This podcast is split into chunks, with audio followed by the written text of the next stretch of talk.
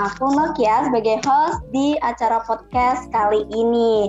Hmm, gak kerasa kita udah ada di penghujung episode terakhir obrolan season 2 nih ya teman-teman. Nah karena ini episode terakhir, aku akan memberikan sesuatu yang spesial nih buat para pendengar semuanya.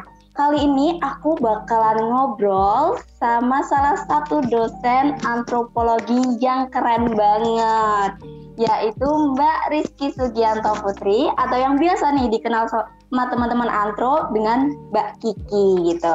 Nah mungkin aku mau sapa dulu nih Mbak Kiki. Halo Mbak Kiki. Halo halo, selamat malam, selamat malam Nokia, selamat malam semuanya.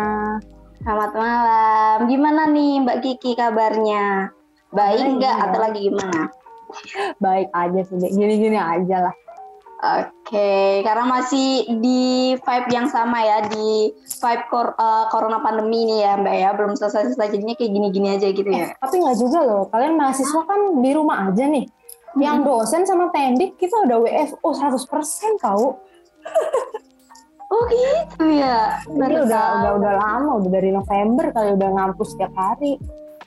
Oke, oke, aku jadi hmm. ke sana Mbak, tapi belum kesampaian kan rencananya semester depan kali ya udah mulai hybrid penuh nih kayaknya jadi ya oh, ya mungkin udah udah balik lagi kita udah upaya untuk normal lagi lah semester depan semoga ya Amin, amin, amin, amin, amin. Oke, nah di sini aku sama Mbak Kiki ini mau ngobrol-ngobrol nih seputar museum kematian atau museum etnografi yang merupakan kepunyaan dari Departemen Antropologi nih. Keren kan? Antropologi UNER? Iya dong, pasti keren nih. Nah, aku mau nanya langsung nih ke Mbak Kiki. Mungkin para pendengar juga belum tahu seputar gimana sih awal berdirinya Museum Kematian atau Museum Etnografi ini. Nah, mungkin Mbak Kiki bisa cerita-cerita. Monggo. Oke, okay, thank you Nokia. Jadi um, aku sebenarnya ini nih awalnya mau mau benerin dulu nih. Kalau misalnya uh, mahasiswa antro nih pada nganggap misalnya museum etnografi ini punya antro. Nah, aku harus lurusin dulu karena sebenarnya Museum Etno memang awalnya ada di bawah Departemen Antropologi, tapi uh, untuk beberapa tahun terakhir belakangannya dua tiga tahun belakangan kita udah diambil alih sama fakultas. Jadi kita berdiri di bawah fakultas, jadi di bawah fisik. Uh, tentu aja memang awalnya dikira punya antro ya karena memang awalnya kita yang punya gitu. Kita yang mendirikan museum etnografi ini emang uh, antropologi gitu yang punya. Awal mulanya sih uh, dari Pak Adi Sukadana ya namanya ya. Beliau itu uh, founding fathernya antropologi UNER. Jadi Pak almarhum Adi Sukadana ini yang mendirikan Antro UNER beliau itu seorang dokter gigi. Dokter gigi yang suka apa masalah-masalah purbakala. Jadi beliau tuh suka ekskavasi gitu karena itu beliau uh, tercetus ide untuk mendirikan antropologi. Sekaligus karena beliau suka ekskavasi barang-barang atau koleksi yang uh, Pak Adi dapat dari lapangan tuh banyak banget kan. Dan semua koleksi itu akhirnya apa ya bisa dibilang mangkrak gitu. Jadi terbengkalai gitu aja di ruang departemen. Nah suatu hari beliau punya usulan punya ide gimana kalau kita uh, buat nih museum khusus antropologi yang isinya ya barang-barang koleksi dari uh, hasil ekskavasinya Pak Adi tadi. Nah, karena itu barulah dibuat yang namanya Museum Etnografi itu dari uh, prodi antropologi ya. Nah, kemudian setelah itu uh, banyak banyak ekskavasi juga kan dilakukan sama baik sama dosen, kemudian sama uh, mahasiswa, semuanya ekskavasi lah, kemudian penelitian-penelitian lain yang bawa apa buah tangan gitu ya dari lapangan bawa buah tangan terus juga ditaruh tuh di uh, museum. Jadi zaman dulu tuh apa ya bisa dibilang sih kalau aku bisa bilang museumnya museum tipe dulu banget gitu ya. Cuman naruh barang ada deskripsi di bawahnya udah selesai gitu aja. Jadi kayak tipikal museum kuno lah ya kalau bisa dibilang uh. museum museum jadul lah. Itu aja. Dan itu cuman dibuka uh, bukan untuk umum jadi khusus untuk uh, mahasiswa antro aja dan cuma satu ruang aja, satu ruang di gedung B yang museum sekarang ini. Kalau misalnya kalian semua udah pernah ke kampus, misalnya yang anak 2019, 2020, eh, 2019 udah lah ya. 20, 21 ya. kayaknya belum ya. Belum. Begitu. Oke, okay, jadi museum itu ada di gedung B. Dulu itu cuma satu ruang aja di gedung B dan itu jadi uh, museum antro waktu itu. Tapi kemudian sekitar tahun uh, berapa ya? 2016 kalau salah 2016 tuh kita mulai dapat notis nih dari pemerintah. Dan saat itu Bu Tuti, Bu Tok itu sebagai kepala museum, beliau apply ke Kementerian uh, Dirjen Kebudayaan dan akhirnya dapat dana hibah dari Dirjen Kebudayaan. Kita dikasih dana hibah untuk revitalisasi museum dengan syarat harus tematik. Jadi ketika itu museum-museum itu ya tadi masih konsepnya masih kuno lah ya, masih museum zaman dulu. Akhirnya kita pilih, oke okay, kita pilih satu tema yaitu kematian gitu. Kematian jadi tema khusus untuk museum kita, kemudian dibangun dan akhirnya jadi reopening lagi sekitar 2016 akhir. Itu sebenarnya waktu itu masih satu ruang aja, satu ruang di muka aja di ruang utamanya aja. Kemudian uh, awal 2017 dapat lagi dana hibah part 2 Nah itu baru dibikin sampai ke belakang gitu. Jadi total dua kali uh, apa revitalisasi, dua kali pengerjaan, baru jadi museum seperti sekarang ini. Dan akhirnya dibuka untuk umum gitu, nggak cuma mahasiswa tapi orang siapa aja lah boleh datang. Kayak gitu ya sejarahnya. Oke, panjang banget ya ternyata ya Mbak ya uh, sejarahnya gitu. Oke, kemarin-kemarin aku tuh sempat lihat gitu kan dari story teman-teman Antro Ragawi yang udah ke sana beberapa kali aku lihat mereka udah tes gitu kan apa namanya praktikum, iya benar banget praktikum dan apaan? Salah salah salah. Uh, uh, praktikum. Nah terus aku lihat mereka bikin story gitu kan. Nah tema-temanya tadi bener banget yang disebutin sama kayak Mbak Kiki tadi tentang kematian gitu kan. Nah aku mau tanya nih, apa sih yang mendasari waktu itu kenapa mengambil tema kematian gitu sebagai tema dari museum itu gitu? Kepo banget karena soalnya kan pajangannya itu keren-keren gitu loh, tapi ya rada takut juga gitu, soalnya kematian gitu. Oke, jadi ini memang apa ya pertanyaan dan dan orang-orang memang banyak uh, berpikir gitu, kenapa kok ambil tema kematian, kenapa nggak yang lainnya gitu? Dan sebenarnya itu juga yang bikin museum kita itu adalah museum satu-satunya di Indonesia yang tematik tentang kematian gitu. Itu juga yang bikin kita beberapa eh bukan beberapa tahun lalu kalau nggak salah dapat eh, dua tahun lalu sorry dua tahun lalu dapat penghargaan um, dari India Museum Award gitu di Indonesia sebagai museum terunik di Indonesia. Wow, kita, keren banget, keren, keren, keren. Baru denger nih aku. Iya. kurang up to date ya terkait museum kematian ini. Seperti itu. Jadi, oh ya tadi ya balik lagi ya, kenapa ambil kematian uh, sebagai tema kita, tema museum kita. Yang pertama adalah ketika orang dengar tentang mati mati, itu pasti perasaan pertama adalah takut ya. Kamu sendiri kalau misalnya mati gitu. Apa yang kamu pikirkan? Pasti kan yang jelek-jelek ya dek ya. Hmm, benar-benar. Hmm. Rata-rata sih seperti itu karena memang ya, ya siapa sih yang nggak takut mati gitu kan ya. Tapi di samping itu kematian sendiri tuh satu hal yang paling pasti terjadi dalam kehidupan kita. Nggak bisa dihindari seberapa kaya pun kamu, seberapa muda, nggak nggak peduli muda tua, kaya miskin pasti yang terakhir yang pasti akan terjadi adalah kematian. Nah, karena itu kita sebenarnya juga nggak bisa menghindari kan yang namanya kematian. Nah, itu juga alasan salah satu alasan kita kenapa uh, bikin atau angkat uh, tema kematian itu sebagai uh, salah satu tema besar gitu untuk museum kita. Selain itu juga karena kematian sendiri kan termasuk life circle dari manusia ya. Yang pertama jelas kelahiran kelahiran, kemudian uh, adat kedewasaan, ritus kedewasaan, lalu ada perkawinan, uh, kemudian yang terakhir baru kematian. Kematian. Nah, uh, yang tiga lainnya ini sering banget kan dibahas. Pernikahan besar-besaran dibahas, kelahiran banyak banget ritus-ritusnya, kedewasaan juga sunat apa segala macam banyak. Tapi yang kematian ini selalu uh, apa ya dihindari gitu. Ya karena alasan tadi takut lah, sedih lah apa segala macam. Karena itu kita juga pingin membahas mengangkat kematian ini sendiri karena kematian ini nggak kalah heboh loh dari uh, uh, apa life circle dari kehidupan yang lain gitu. Kematian yang malah pasti terjadi gitu. Kalau lahir nggak semua orang punya kesempatan untuk lahir. Nggak semua orang punya kesempatan untuk menikah misalnya. Tapi kematian nggak peduli apa semua orang pasti akan mengalami kematian ini tadi. Dan uh, dari sisi tradisi juga seperti yang kita semua ketahui lah, Indonesia kan kaya banget nih akan suku-suku bangsa, kita udah punya ribuan ya. Nah, uh, setiap suku bangsa, setiap daerah itu pasti punya tradisi atau ritual kematiannya masing-masing. Nah, karena itu juga alasan kita bikin tema kematian karena nggak bakal ada habisnya gitu yang dibahas. Misalnya hari ini kita bahas suku A, besok B, C, D, nggak bakal habis sampai kapan pun kajiannya pasti akan tetap ada seperti itu. Oke, menarik nih, menarik nih. Aku jadi pengen uh, langsung ke museumnya dan merasakan vibe-nya gitu. yang bau-baunya rada menakutkan tapi itu emang perlu ada gitu loh biar hmm. teman-teman itu berpikir kalau misal kematian itu memang uh, dirasakan oleh semua orang gitu ya. Jadi kayak gitu. Oke nih mbak aku langsung tanya aja nih ya ke pertanyaan ke ber, eh, ke pertanyaan berikutnya mbak. Belibet banget ya ini. Uh, nah untuk tadi aku dengar kalau misalkan pertama kali bahan-bahan apa ya yang dimuseumkan tadi itu dari hasil apa Mbak kalau nggak salah? Ekskavasi, Ya ekskavasi tadi kan ya.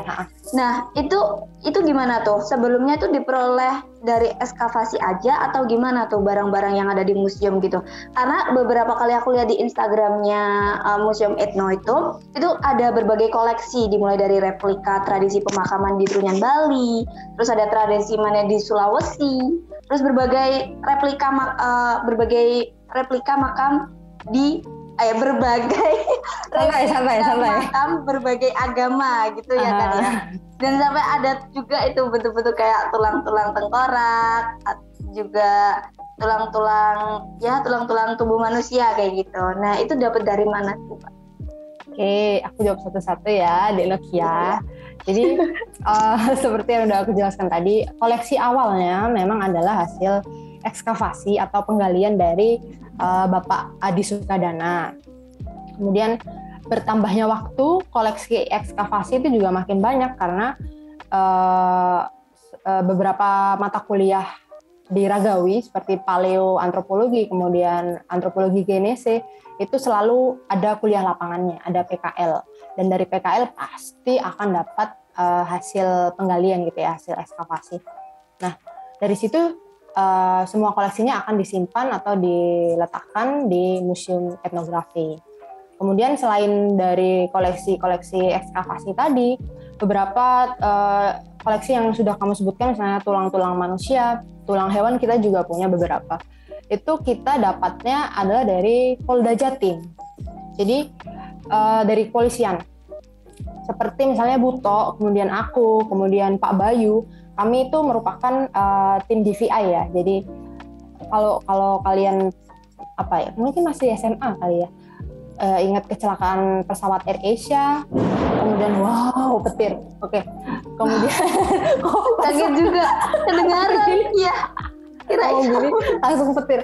Oke, okay, jadi intinya uh, kasus-kasus uh, forensik, kemudian kasus-kasus uh, kecelakaan massal gitu ya, kejadian massal bencana alam massal, bencana alam buatan, uh, sorry bencana alam ataupun uh, bencana manusia buatan itu intinya kita yang menghandle gitu ya.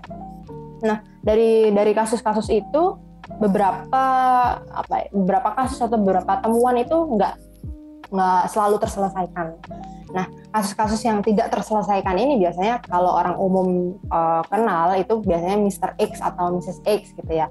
Nah, jenazah-jenazah si Mr. atau Mrs. X ini tadi kan nggak ada yang mengakui itu. Kemudian sama kepolisian disimpan dulu, dikip di kepolisian uh, kemudian setelah 3 sampai lima tahun misalnya nggak tetap nggak ada ya klaim nah itu baru di apa ya bahasanya bukan dikasih sih dipinjamkan ke kita gitu jadi boleh kita yang keep gitu karena kita juga merawat si rangka-rangka manusia tadi kan uh, kemudian juga berguna gitu ya untuk untuk pendidikan untuk praktikum kita pakai kemudian untuk uh, beberapa mata kuliah seperti antropologi forensik uh, itu juga apa ya bahannya ya memang real human bones tadi gitu. Jadi banyak koleksi-koleksi tulang manusia kita adalah real case gitu. Benar-benar kasus nyata uh, dari aspek forensik gitu dan dapatnya dari Polda. Kemudian selain itu kita juga ada beberapa apa ya koleksi-koleksi yang memang sumbangan gitu ya hasil hasil sumbangan atau hasil donasi dari beberapa rekanan gitu. Selain itu juga kadang ya cari sendiri. Jadi beberapa koleksi seperti kain kematian nih itu kita juga sering beli butok sih lebih tepatnya. Butok sering misalnya ke Sumba gitu beli kain kemudian ke Flores beli kain. Ya nanti kain-kain itu dipajang di museum uh, sebagai ya tadi itu uh, apa ya untuk ritual kematian ini pakai kain ini ritual kematian A pakai ini seperti ini seperti itu gitu oke jadi, jadi biar kayak lah. Hmm, gitu. Jadi biar kayak lebih teman-teman yang masuk ke museum itu lebih kayak tahu gitu penggambaran dari oh ini loh tradisi makam uh, di Toraja pakai baju ini loh, kayak gini loh kainnya, kayak gitu ya Mbak ya. Ternyata begitu tadi teman-teman cara memperoleh koleksi yang ditampilkan di Museum Kematian tadi. Sebelumnya juga Mbak, aku tuh pernah lihat di vlog salah satu arkeolog, hmm. kalau nggak salah kemarin tuh di Mojokerto, itu juga lihat-lihat tuh ternyata menemukan apa ya namanya tulang-tulang kayak gitu, hmm. kerangka gitu, itu di ternyata dipanggilin tuh sama dipanggilin sama pihak arkeolognya gimana sih bener, bener, bener. gimana uh, sama pihak arkeolognya itu uh -huh karena udah tahu ada tulang-tulang itu terus dipanggil tuh Butok sama ah. Pak Bayu untuk ke sana. Katanya terus ngobrol-ngobrol gimana nih cara mengidentifikasinya dan lain-lain gitu. Menarik juga gitu dan uh, sama pihak arkeolognya juga diperbolehkan untuk dibawa gitu sama Butok dan juga Pak Bayu. Oke, itu tadi teman-teman mengenai gimana sih cara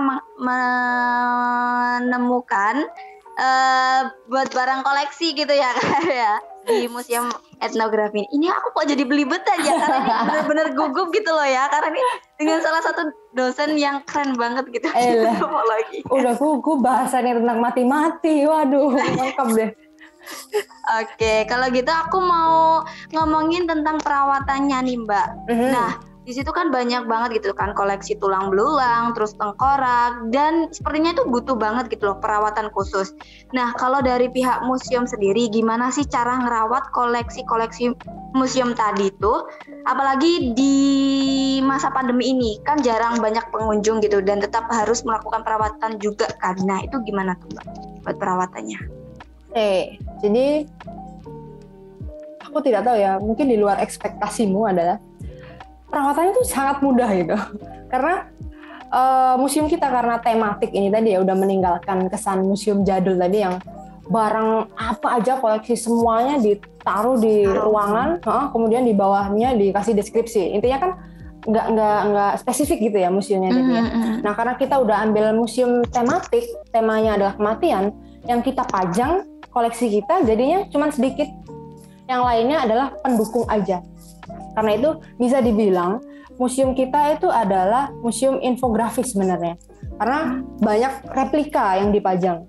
Koleksi realnya itu sebenarnya cuma sedikit ya beberapa seperti tulang uh, manusia tadi aja yang yang untuk misalnya contoh makam trunyan itu pakai tulang manusia. Kemudian menjelaskan dari uh, koleksi dari sisi forensik, nah itu pakai tulang manusia benarnya. Kemudian untuk untuk untuk replika lainnya, untuk pembahasan lainnya itu kita pakai infografis aja. Karena itu mudah untuk urusan perawatan. Serahin hmm. aja ke OB OB dari gedung B gitu aja sebenarnya. Cuman kalau OB kan emang apa ya khusus seperti lantainya aja dipel, disapu hmm. gitu aja. Untuk untuk replikanya ya cukup dibersihkan pakai kemuceng gitu aja sih, Dek. Cuman kalau kalau yang handle koleksi real karena koleksi kita banyaknya ya tadi yang di display kan cuman beberapa tulang rangka manusia aja sisanya lainnya itu kita keep di storage kita. Jadi di storage itu harus 24 jam selama tujuh hari itu AC itu harus terus nyala. Karena tulang itu kalau dia kondisi ruangannya lembab, nah itu bakal buruk tuh buat dia. Hmm. Karena itu kita harus apa ya? Keep dia untuk kering terus gitu. Suhunya harus dingin terus. Itu aja sih untuk perawatan ya ya emang habis banyak lah ya untuk electricity itu urusannya fakultas lah tapi ya nggak nggak mau kita iya benar-benar itu aja sih jadi gampang banget bener ya untuk perawatan seperti itu Oke, berarti untuk replika-replikanya itu sebenarnya gampang, tapi hmm. yang bagian tadi di apa Mbak tadi? Yang, yang butuh AC? Uh, tulang belulangnya aja, koleksi okay. tulang belulang kita. Jadi uh, bisa disimpulkan gampang-gampang susah gitu uh, ya Mbak ya. Gampang Tapi susah, mahal. Iya gampang-gampang mahal gitu karena mahalnya ya nggak apa-apa udah ditanggung sama pihak fakultas. Gitu. Betul. karena sudah ditanggung pihak fakultas gitu. Nah tadi kan sudah ngobrolin tuh tentang gimana sih penjagaannya. Ternyata um, lumayan gampang-gampang mahal tadi gitu kan. Nah, aku mau tanya selanjutnya terkait pengunjung nih, Mbak. Nah, untuk pengunjung sendiri nih atau teman-teman antro atau teman-teman lainnya gitu yang berkunjung di sana, uh, ketika berkunjung ke Museum Kematian ini kira-kira apa aja sih yang bisa dipelajarin gitu untuk dari dilihat dari kajian kematiannya? Itu seperti apa aja sih, Mbak kalau boleh tahu? Oke, oh aku ini jelasinnya bisa 3 SKS nih nanti. Kayak ikut kuliah lagi dong ini. Oke, aku akan malam. membuat ini uh, cukup padat dan ringkas ya. Jadi okay. museum kita itu um, terdiri dari beberapa ruang. Ketika tamu itu masuk uh, ke ruang utama, masuk buka pintu nih dari buka pintu dulu deh. Hmm. Buka pintu, tingginya udah masuk ya itu uh, si tamu ini akan sampai di ruang utama kita, ruang utama museum kita. Yang mana ruang itu full banget infonya itu udah ada di situ semua sebenarnya dari depan sampai belakang itu ilmunya ada di depan semua. Karena itu kita sebut ruang utama. Nah, di ruang utama itu uh, apa ya? Kita menyajikan dengan cara uh, dua sisi. Jadi sama seperti antropologi, departemen antropologi sih sebenarnya. Kita kan juga punya dua peminatan nih, sosial budaya sama antropologi ragawi. Museumnya pun sama. Jadi begitu masuk di ruang utama, di sisi kiri kalian itu nanti akan uh, ini kita seolah-olah masuk museum ya. Ya, oke okay, oke, okay. aku bayangin aku bayangin. Jadi masuk pintu, kemudian di ruang itu di sisi kalian itu kalian nanti akan uh, mendapatkan deskripsi yang kental banget dengan perspektif antropologi uh, sosial budaya. Kemudian di sisi kanannya kalian akan mendapatkan perspektif uh, kematian dari aspek uh, antropologi ragawinya seperti itu.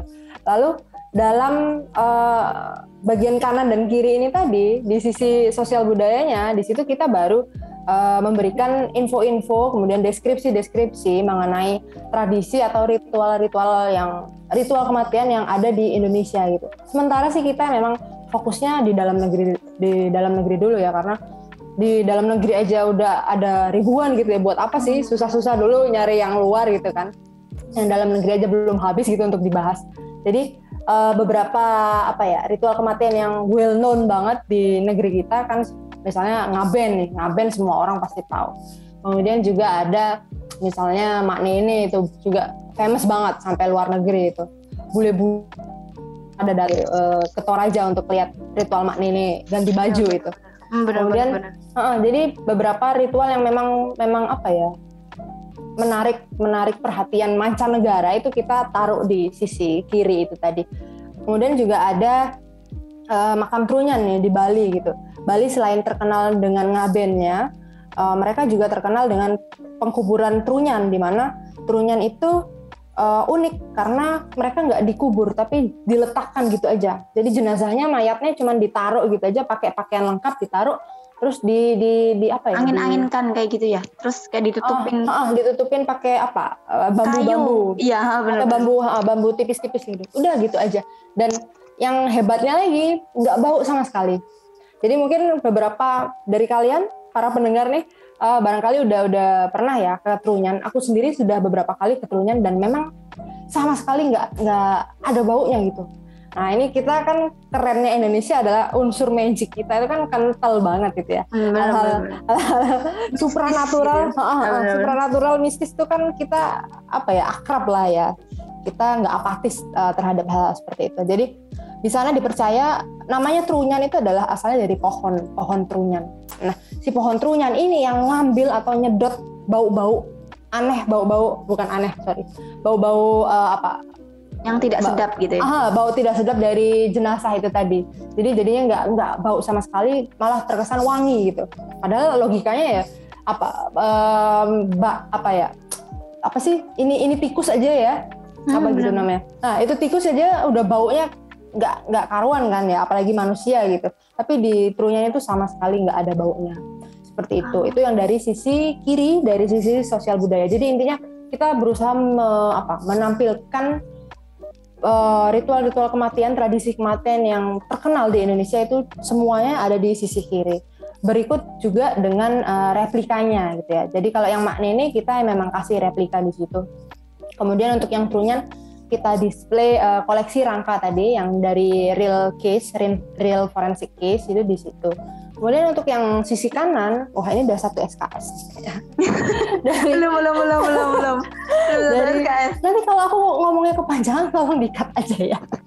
enggak, enggak, enggak. Ini ini ini bermanfaat banget loh Mbak buat teman-teman okay. antro nanti yang dengerin atau yang teman-teman luar antro juga. Karena ini benar-benar menarik gitu loh buat dibahas sekarang. Iya, semoga aja ya. Oke, aku lanjutin. Jadi yang sisi kanan adalah uh, perspektif kematian dari dari aspek antropologi ragawinya ya. Jadi di situ kita uh, berusaha untuk menjelaskan persebaran yang pertama adalah persebaran manusia Indonesia. Jadi kan uh, apa ya beberapa waktu lalu mungkin atau beberapa tahun yang lalu kita kan saling saling ngeklaim nih, oh aku pribumi di Indonesia. Wah, itu yang bilang pribuma iya. pribumi itu nggak tahu sebenarnya persebaran manusia itu asal usulnya manusia pertama di Indonesia itu siapa? Itu memalukan gitu kalau bilang sendiri kayak gitu. bener, bener. Jadi harus ke museum Eto dulu buat tahu siapa sih manusia pertama di Indonesia itu sebenarnya kayak gitu.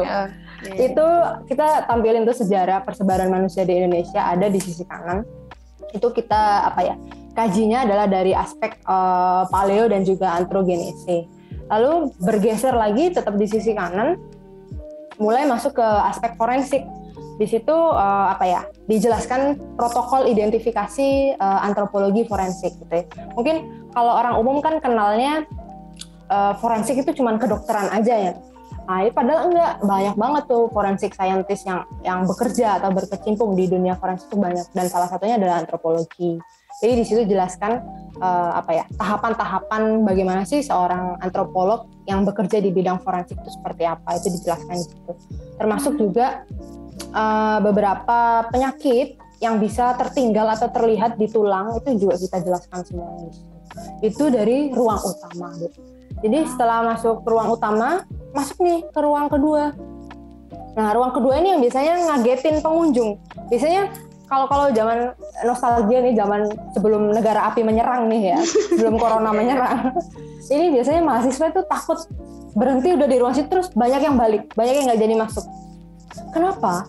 Karena ketika kalian selesai di ruang utama kemudian masuk nah itu kalian akan disajikan uh, dihadang oleh pocong. Wah, ada replika pocongnya ternyata. Oh, siapa bilang itu replika? Canda ding. Jadi dia kita menyajikan apa ya? Refleksi diri gitu ya, refleksi diri setelah setelah uh, udah masuk tuh ilmu yang banyak banget tuh di ruang utama tadi. Begitu masuk ke ruang refleksi itu kita maunya kayak brainstorming gitu. Jadi udah udah down dulu. Maksudnya udah udah hilang dulu. Ilmu yang tadi diserap udah hilang dulu. Karena kebanyakan mungkin ya infonya. Jadi di situ biar shock dulu ini. Pengunjung biar shock dulu biar kaget dulu uh, lihat si pocong itu karena pocong kan salah satu apa hantu yang terkenal gitu ya di takutin juga ah, gitu karena itu biasanya tuh mahasiswa itu nggak nggak mahasiswa juga sebenarnya. Beberapa tamu umum pun juga ah nggak mau nggak mau apalah segala macam. Kayak takut keserupan lah takut apa gitu. Anak kecil aja kadang berani malah. Malah yang orang gede-gede yang takut tuh untuk masuk kayak gitu. Jadi di situ ruang refleksi Terus juga selain ruang refleksi juga ada apa ya? Kita punya perpustakaan mini gitu ya. Uh, beberapa koleksi buku ya tentu saja yang terkait dengan kematian itu banyak banget di situ. Kita jadi punya kayak ensiklopedia hantu gitu. Kita juga punya buku hantu Jawa. Intinya buku-buku yang relate sama kematian itu kita banyak koleksinya di situ. Kemudian masuk lagi setelah ruang refleksi ada ruang ketiga. Nah, di situ adalah ruang forensik. Ini perpanjangan lagi dari uh, ruang utama tadi. Di sini lebih dijelasin secara apa? Secara spesifik gitu ya. Uh, peranan antropolog forensik itu seperti apa. Kemudian juga dijelaskan bagaimana bagaimana sih proses hancurnya tubuh manusia gitu. Jadi kita setelah mati nih, kemudian apa sih yang terjadi pada tubuh seseorang yang udah mati gitu? Bagaimana sih prosesnya? Mulai dari menggelembung, kemudian pecah, kemudian menyebarkan bau, banyak lalat datang, belatung datang, sampai akhirnya dimakan, digerogoti habis, akhirnya jadi kulit sama tulang aja, kemudian jadi tulang aja, kemudian hilang, terurai lagi, jadi dari tanah kembali ke tanah. Nah itu dijelaskan di ruang forensik itu tadi.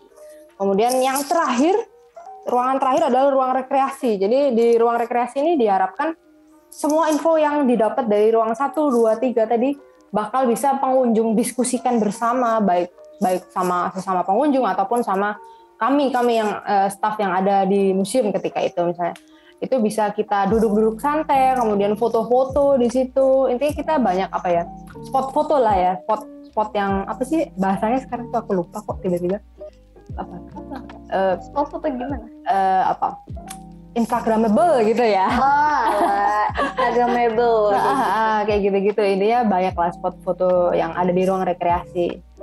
Nah, di situ baru bisa santai-santai tuh uh, pengunjung bisa merenungkan apa yang mereka dapat di ruang sebelumnya, kemudian juga bisa ngobrol-ngobrol santai atau ya intinya istirahat dulu lah di ruang rekreasi sampai akhirnya selesailah perjalanan si pengunjung itu tadi. Kayak gitu deh Nokia.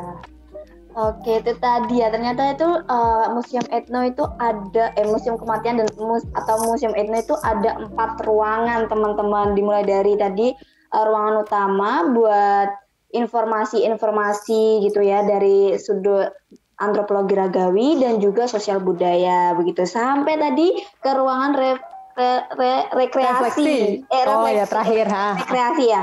Ya rekreasi di situ. Nah uh, Mbak aku juga ini kemarin juga pernah lihat kalau nggak salah uh, tadi yang dijelasin juga di sudut ada sudut yang menarik tadi sebelah kiri ya kalau nggak salah untuk menampilkan museum kematian tadi yang uh, replika makam uh-huh. ya yang itu. Nah ada nggak sih Mbak makna atau pesan tertentu gitu dari pihak museum yang ingin disampaikan ke pengunjung ketika melihat replika makam-makam tadi gitu? Oke, okay. jadi beberapa Ah, bukan iya kita punya beberapa replika makam ya kita sebutnya sih dia adalah makam bineka jadi si makam bineka ini ada di ruang rekreasi deh sebenarnya dari ruang terakhir sendiri yang aku bilang spot foto tadi. Di ruang rekreasi itu ada makam bineka di mana kita memang sengaja menyajikan uh, jenis-jenis penguburan dari berbagai etnis dari berbagai uh, agama. Itu kita buat di situ. Jadi ada yang namanya waruga. Waruga ini salah satu uh, apa ya uh, makam makam daerah Sulawesi gitu ya. Dia dia dari zaman megalitikum. Dia kayak kubur batu gede gitu dan hmm. jenazahnya tuh dimasukin di dalam batu itu kemudian ditutup lagi sama batu gede. Itu ada waruga itu. Kemudian selain waruga juga uh, ada ya makam orang Muslim gitu ya, kemudian makam orang Katolik, orang Kristen, tapi dari zaman yang udah lampau ya, zaman sekarang kayaknya udah nggak ada sih uh, makam Kristen atau Katolik yang gede-gede banget gitu, kayak di film-film uh, gitu. Kayak kayak Bung Cina gitu nggak sih Mbak? Itu juga ada uh, uh, etnis Chinese itu juga ada makam makam makam Cina ya makam Cina mm -hmm. tapi kayaknya sekarang juga udah udah jarang sih intinya kita menampilkan uh, itu semua dengan harapan pengunjung itu akan sadar gitu loh. Dari apa pun latar belakang si pengunjung uh, dia mau dari agama apa kek dia mau dari ras apa kek mau muda kah mau tua kah. Jalan akhirnya adalah kematian itu tadi. Jadi harus selalu apa jadi reminder ke diri sendiri juga karena apa pun pekerjaan Anda, berapapun usia Anda, berapapun total harta Anda, pasti ujung-ujungnya ya mati juga maupun kalau kaya hartanya dibawa ke kubur semua bisa kan kadang ya kalau beberapa etnis seperti etnis China misalnya kan dibakar tuh apa tuh hart, uh, benda-benda kesayangan misalnya dibakar hmm. untuk bekal bekal dengan harapan dia di alam sana akan senang gitu karena barang favoritnya ada sama dia. Misalnya punya iPhone terbaru iPhone-nya dibakar biar bisa main HP gitu di dunia baka gitu ya. Nah itu misalnya. Jadi intinya adalah kematian tadi kemudian juga mau kaya atau miskin nanti ujung-ujungnya terurainya terdekomposnya sama semua semuanya sama gitu jadinya uh, proses dekomposnya pun akan sama hasil akhirnya akan sama terurai lagi jadi tanah kayak gitu oke jadi gitu. reminder lah sifatnya nah.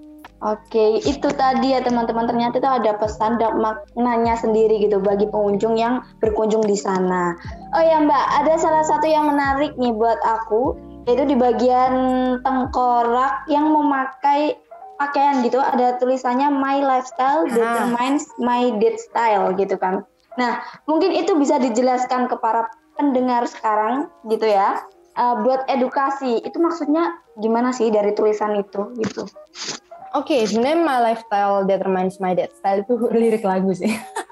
Oh gitu. Tapi kalian anak 2000-an gak mungkin tahu itu lirik lagu apa. Ya, Jadi betul aku juga belum tahu sama sekali itu. Oke, okay, itu adalah lirik lagu uh, rock tahun berapa? 80-an, 90-an mungkin. Intinya itu lirik lagu yang mana lirik lagu itu memang pas banget gitu untuk meng, apa, mewakili apa yang kita inginkan gitu di situ. Jadi beberapa spot di museum itu memang kita ambil quote-quote tertentu gitu ya dari uh, dari film kayak dari lagu dari apa kita pajang di situ supaya memang maknanya itu biar dapat gitu.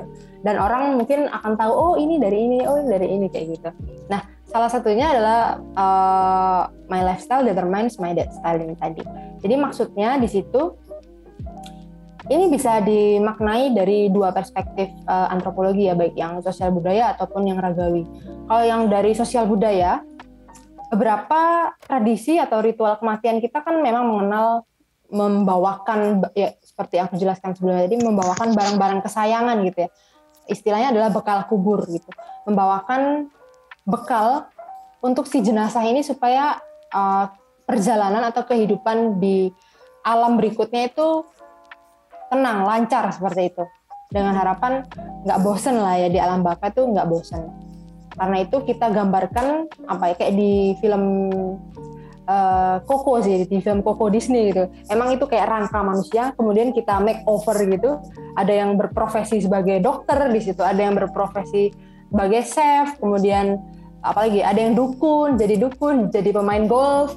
Intinya macam-macam berprofesi uh, kita tampilkan di situ. Nah, kalau dari sisi antropologi ragawinya, di sini kita ingin juga uh, menampilkan yang namanya salah satu uh, kajian dalam antropologi forensik yaitu tentang stress marker. Jadi stress marker ini uh, apa ya bisa dibilang adalah tanda aktivitas apa pun yang kalian semua lakukan ketika hidup, kalian lakukan secara rutin, kalian lakukan secara berulang-ulang selama bertahun-tahun, itu akan membekas di tulang kalian. Okay. Karena itu my lifestyle determines my death style itu sangat pas untuk stress marker ini tadi. Misalnya nih, contohnya adalah uh, yang yang yang ada di museum misalnya pemain golf. Pemain golf kan nggak mungkin, apalagi yang uh, memang profesional ya sebagai mata pencaharian dia memang sebagai atlet golf gitu. Dia latihan kan mungkin sehari bisa sampai 8-9 jam ya. Dan latihannya nggak nggak nggak SKS doang nih nggak oh besok aku ada turnamen ada pertandingan aku akan latihan malam ini gitu kan nggak mungkin. Pasti iya, latihannya yeah, kan yeah, udah berbulan-bulan. Ini udah ah, udah lama banget ya. Dia latihan setiap hari berapa jam setiap hari dan dilakukan misalnya sampai pensiun nih. Pensiun usianya misalnya 55 tahun dia baru pensiun. Dia udah mulai karir golf dari usia 20 tahun misalnya. Nah dalam jangka waktu sekian puluh tahun ini gerakan golf itu kan ya begitu-begitu saja ya. Nah, gerakan yang monot bukan monoton juga, gerakan yang dilakukan secara terus-menerus dan selama berpuluh-puluh tahun itu tadi akan meninggalkan bekas di tulang. Nah, bekas di tulang itu tadi yang bakal berguna ketika kita mengidentifikasi uh, temuan jenazah atau temuan rangka, itu kita bisa kasih info nih oh nih orang nih ketika hidup dulunya bekerja sebagai ini, dulunya uh, punya penyakit ini, dulunya dia tukang becak misalnya. Oh dulunya dia pemain biola misalnya. Oh dulunya dia tangan kanan yang aktif untuk menulis dan beraktivitas. Nah, sampai sejauh itu kita bisa uh, apa memberikan informasi terkait dengan uh, stress marker ini tadi. Kayak gitu. Oh, Oke. Okay. Sebenarnya aku juga pernah dengar ini waktu di kelas Hmm. antropobio kalau nggak antroragawi deh mengenai strike marker tadi. Eh, Tapi yang stress lo ya, stress. Ya. Oh, stress.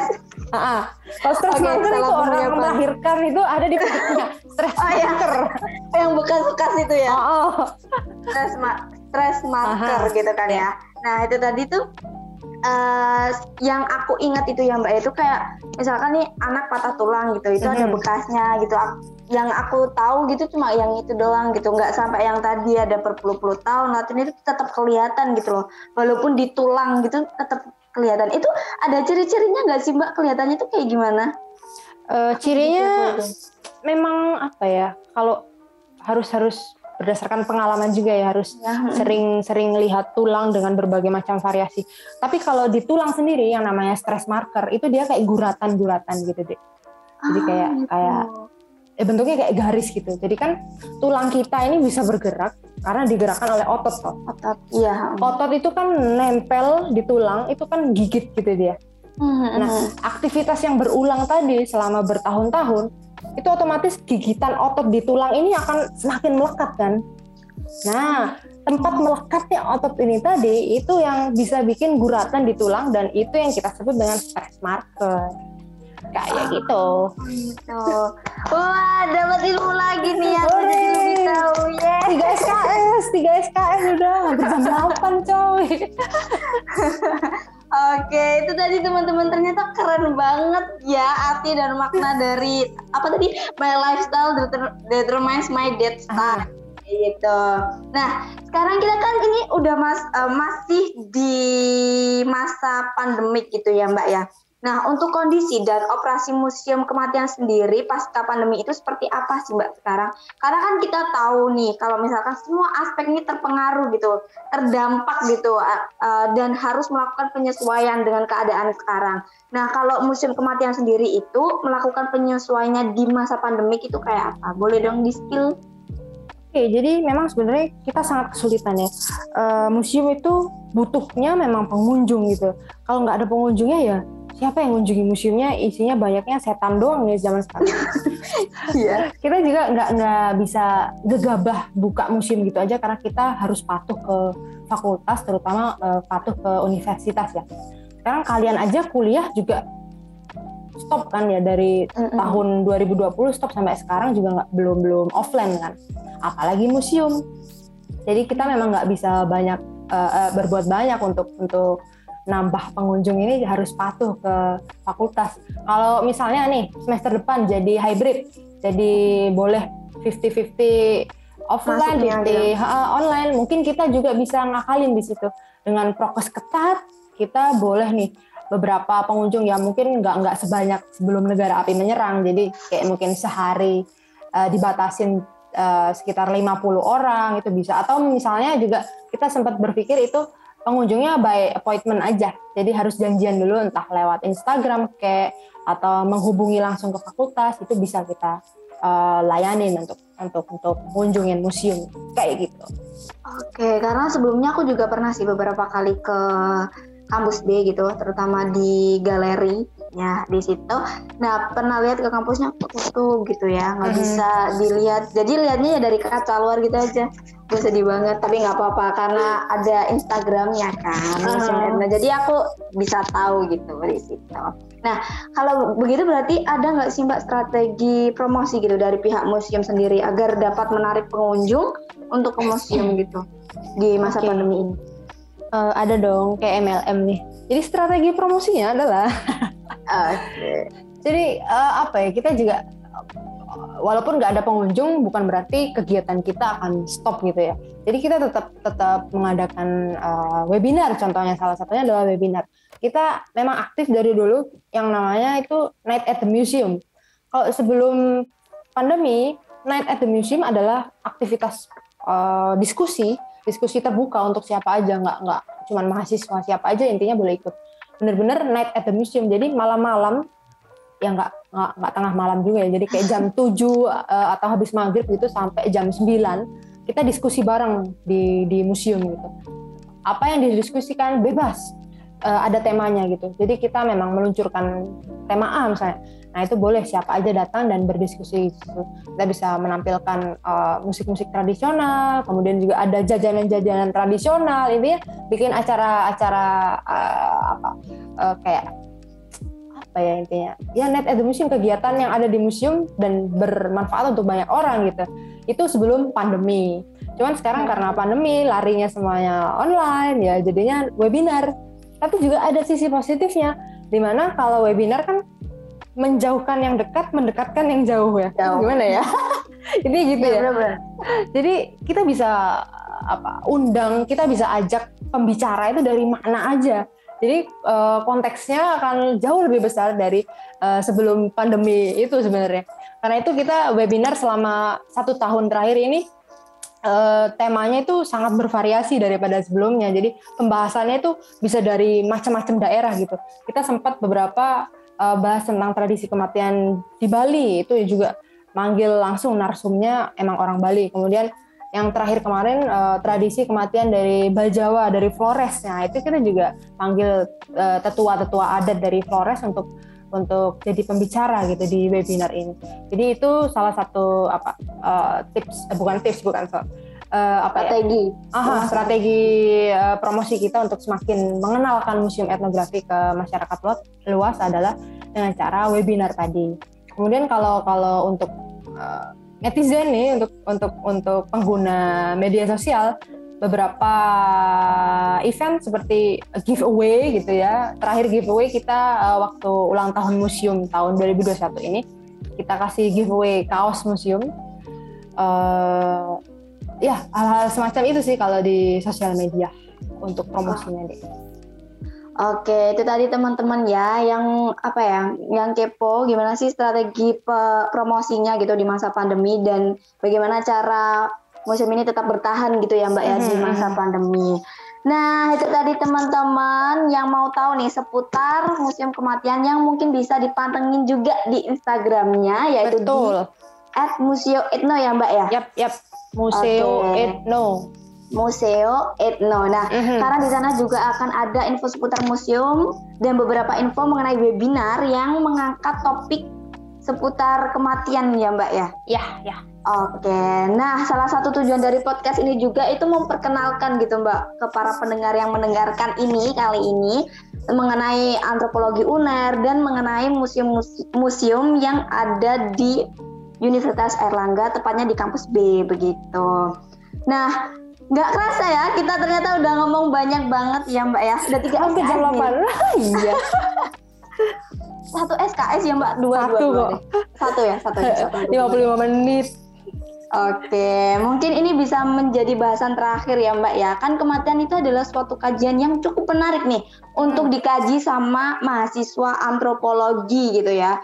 Yang mungkin untuk karya tulisan ilmiah berupa isai atau artikel jurnal maupun skripsi gitu. Nah, di sini aku mau tanyain gitu Mbak.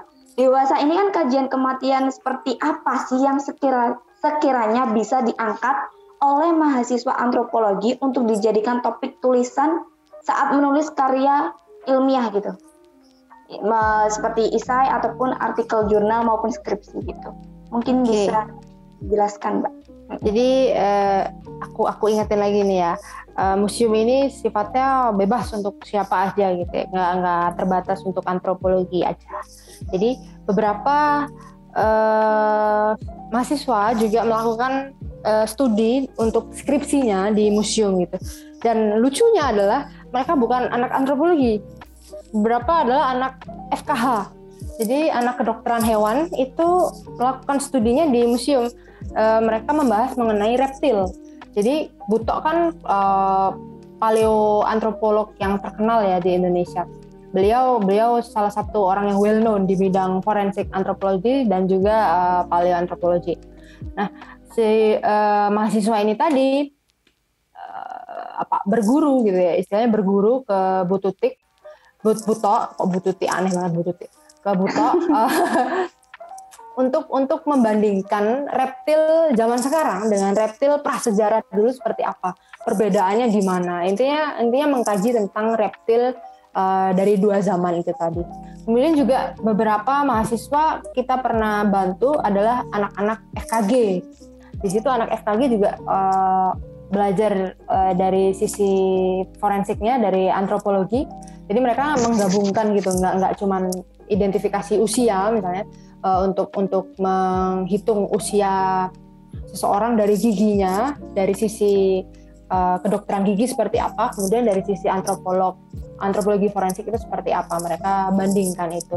Jadi intinya apa ya kaya lah. Kita itu kaya banget. Apalagi kalau mau berpikir lebih jauh berpikir sedikit out of the box. Di mana kita nggak hanya terkungkung dalam satu cabang ilmu aja kita bisa mergerin tuh semua semua macam-macam ilmu. Kita bisa kolaborasi antar eh, nggak uh, cuma antar departemen ya bisa antar fakultas. Intinya kita bisa lah uh, saling bekerja sama untuk bikin artikel ilmiah uh, atau penelitian-penelitian lain.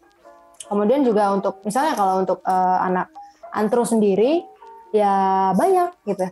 Uh, contohnya nih misalnya kalau yang ragawi, kalau yang ragawi dari sisi forensiknya aja nggak bisa tuh dikupas habis sebenarnya dari dari proses identifikasi misalnya atau dari stress marker yang tadi aku jelasin panjang lebar tuh itu juga bisa jadi berapa judul itu uh, hmm. untuk skripsi misalnya kemudian juga misalnya dari anak-anak sosial budaya nih uh, membahas tentang studi etnografi dari tradisi kematian. Nah, itu yang aku bilang di awal tadi kan kita banyak banget tuh suku bangsa yang kita miliki. Dan yang terekspos itu ya pasti itu-itu aja sebenarnya. Ya Bali tadi, Bali Ngaben, Bali Trunyan, Mak Nene Toraja. Tapi di lain yang well known tadi banyak banget suku-suku lain yang sebenarnya tradisinya itu jauh lebih unik, jauh lebih keren gitu ya menurutku pribadi.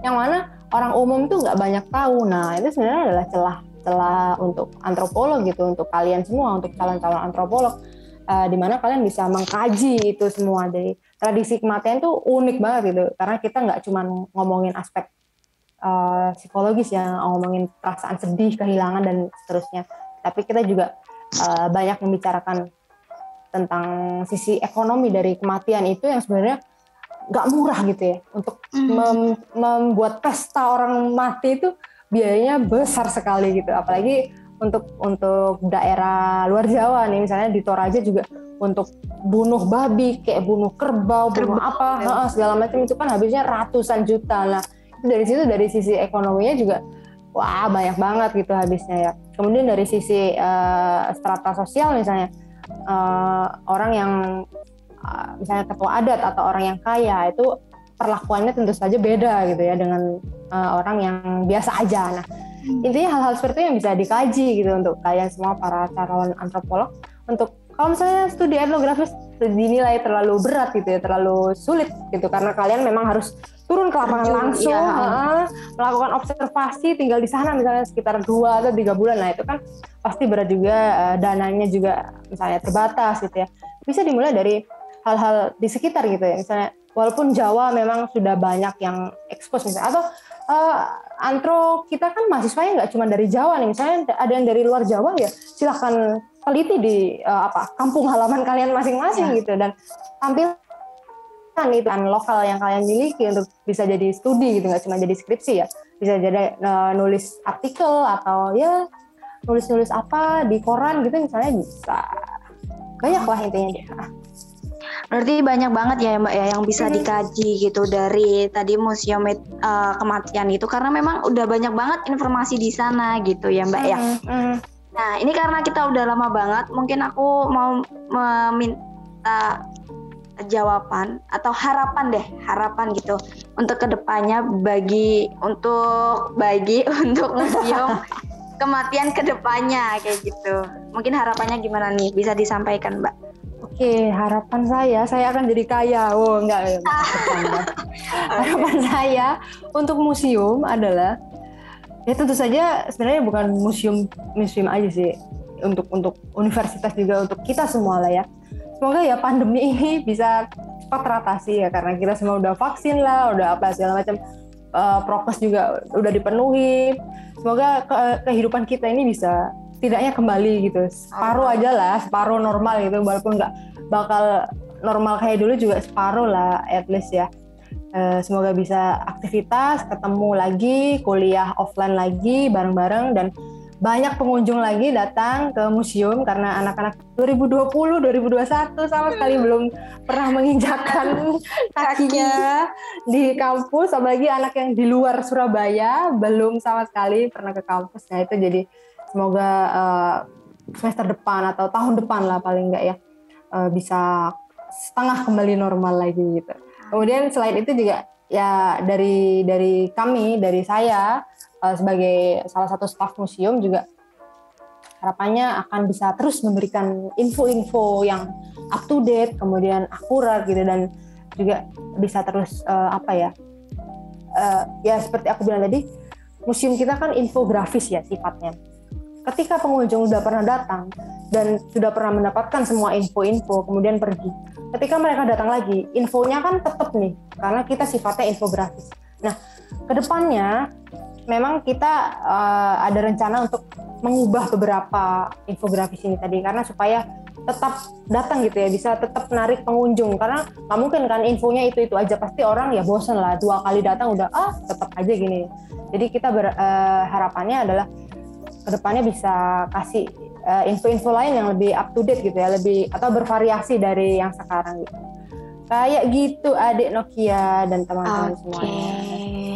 Aku juga juga sama sih sebenarnya harapannya semoga aku bisa uh, ke sana gitu dengan segera mungkin biar bisa lihat-lihat secara nyata nggak secara sosial media saja seperti itu dan um, semoga oh iya satu ya. lagi sorry uh, di museum kita itu juga di IG ya di Instagram kita di museum etno tadi uh, di link bio-nya bisa kalian klik di situ. Kita ada yang namanya virtual museum. Jadi buat yang masih belum pernah uh, ke museum etno itu bisa klik link bio di situ, kemudian juga bisa berjalan-jalan secara virtual uh, ke museum etno. Kita ada ada apa webnya di situ ya. Oke, okay. wah ini nambah keren ini ya. Ternyata sudah makin canggih nih kelihatannya. Iya, yeah, menjelang 5.0 ya, udah nggak 4.0 uh, lagi kita nih. Oke, okay, oke, okay. benar benar benar benar. Dan semoga uh, museum etnografi ini semakin bagus, semakin baik lagi begitu. Wah, udah banyak banget ya Mbak yang kita obrolin pada hari, pada malam hari ini. Makasih banyak untuk Mbak Kiki yang sudah Iya, sama-sama. Terima kasih kembali. Ngobrol sama Nokia di sini. Walaupun ngomongnya belibet. Tapi ya Mbak ya. Belum presentasi loh kamu, Dek. Gimana sih, Halil? jangan dong, Mbak, jangan. Aku juga mau ngucapin nih makasih banyak untuk para pendengar podcast obrolan season 2 ini sampai ke episode 7. Makasih banyak. Mudah-mudahan uh, informasi yang aku sampaikan selaku host dan para narasumber ini bisa diterima dengan baik, Yeay. bisa menjadi ilmu yang uh, bermanfaat juga bagi teman-teman. Dan aku mau mohon maaf kepada teman-teman apabila ada salah kata yang menyakiti hati teman-teman para pendengar ini dan mohon dimaklumi ya kalau misalkan kurang seru karena memang terusnya baru teman-teman gitu baru belajar gitu. Oke, okay. mungkin Mbak Kiki ada uh, satu kalimat atau dua kalimat lagi yang mau disampaikan untuk para pendengar. Apa ya? Stay safe, stay live aja deh. Semoga kita semua bisa dipertemukan di kehidupan nyata di babak baru di tahun 2002 besok ya. Amin. Okay. 2022 ya, Mbak. Iya, 2022, sorry. Oke, oke. Ini kelihatannya Mbak Kiki udah ngantuk nih. Udah lapar, aku belum makan malam loh, Dek. Ah, itu jam makan malam ini gimana kamu ini? Oke, habis ini sih konsumsi datang ke rumahnya Mbak. Oke, oke, oke, oke. Gak apa-apa gambar-gambar off, apa online aja aku makan nanti. Oke, oke. Oke, teman-teman, aku dan Mbak Kiki pamit dulu. Sampai ketemu di tahun depan di season 3 ya. Bye terima kasih. Dadah semuanya. Stay safe, stay healthy, teman-teman. Uh.